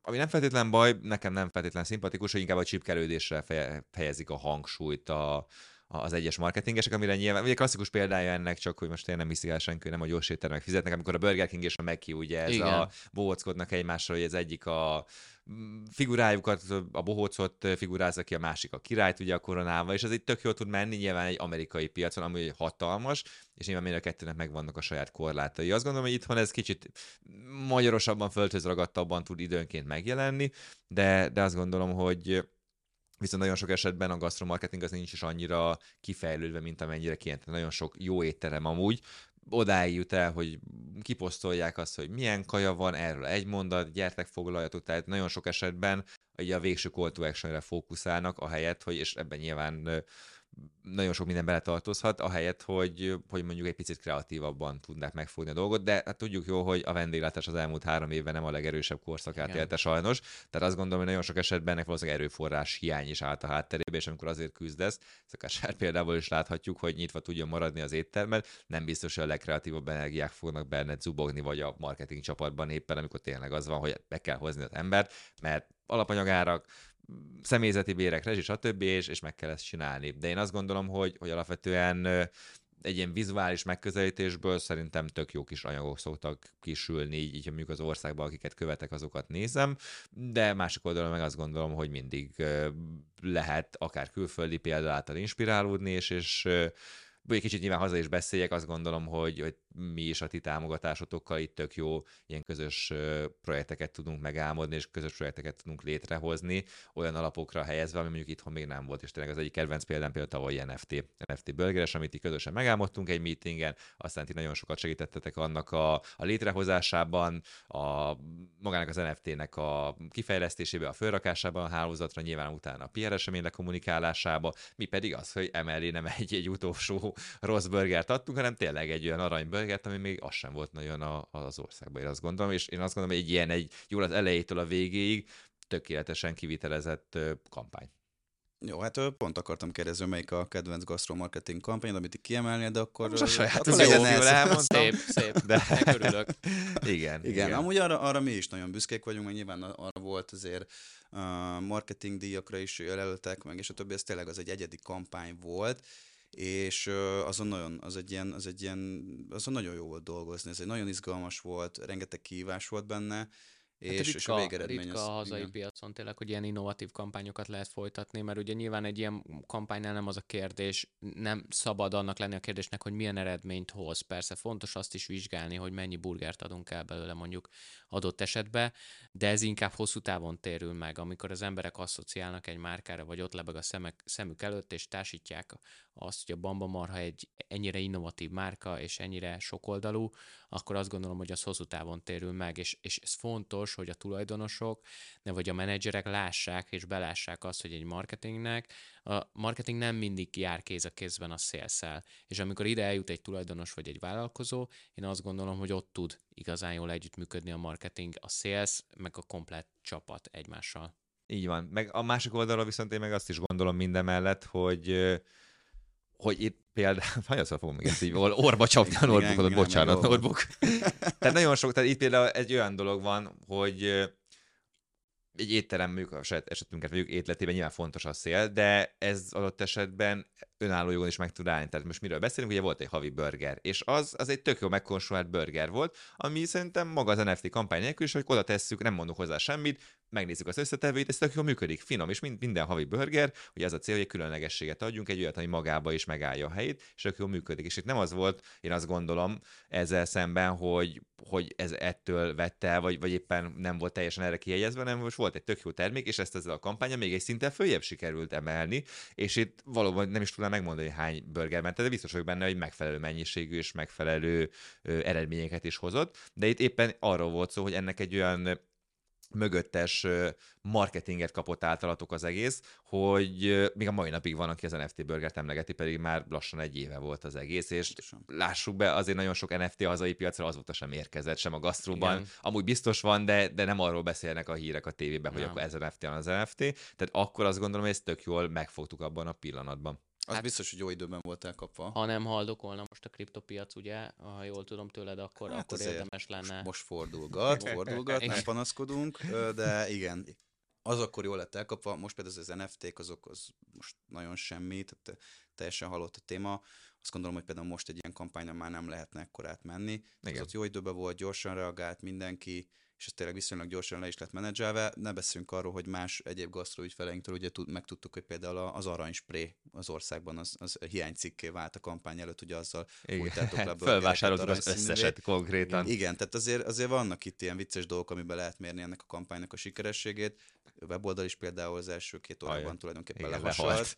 Úgyhogy ez tényleg egy izgi kampány volt, pedig mindenki szerintem úgy indult neki, hogy ugye ez, ez lehet valami nagyon-nagyon jó, de lehet, hogy óriási bukás Igen, azért és... voltak többen így, így belsőle is, akik azt mondták.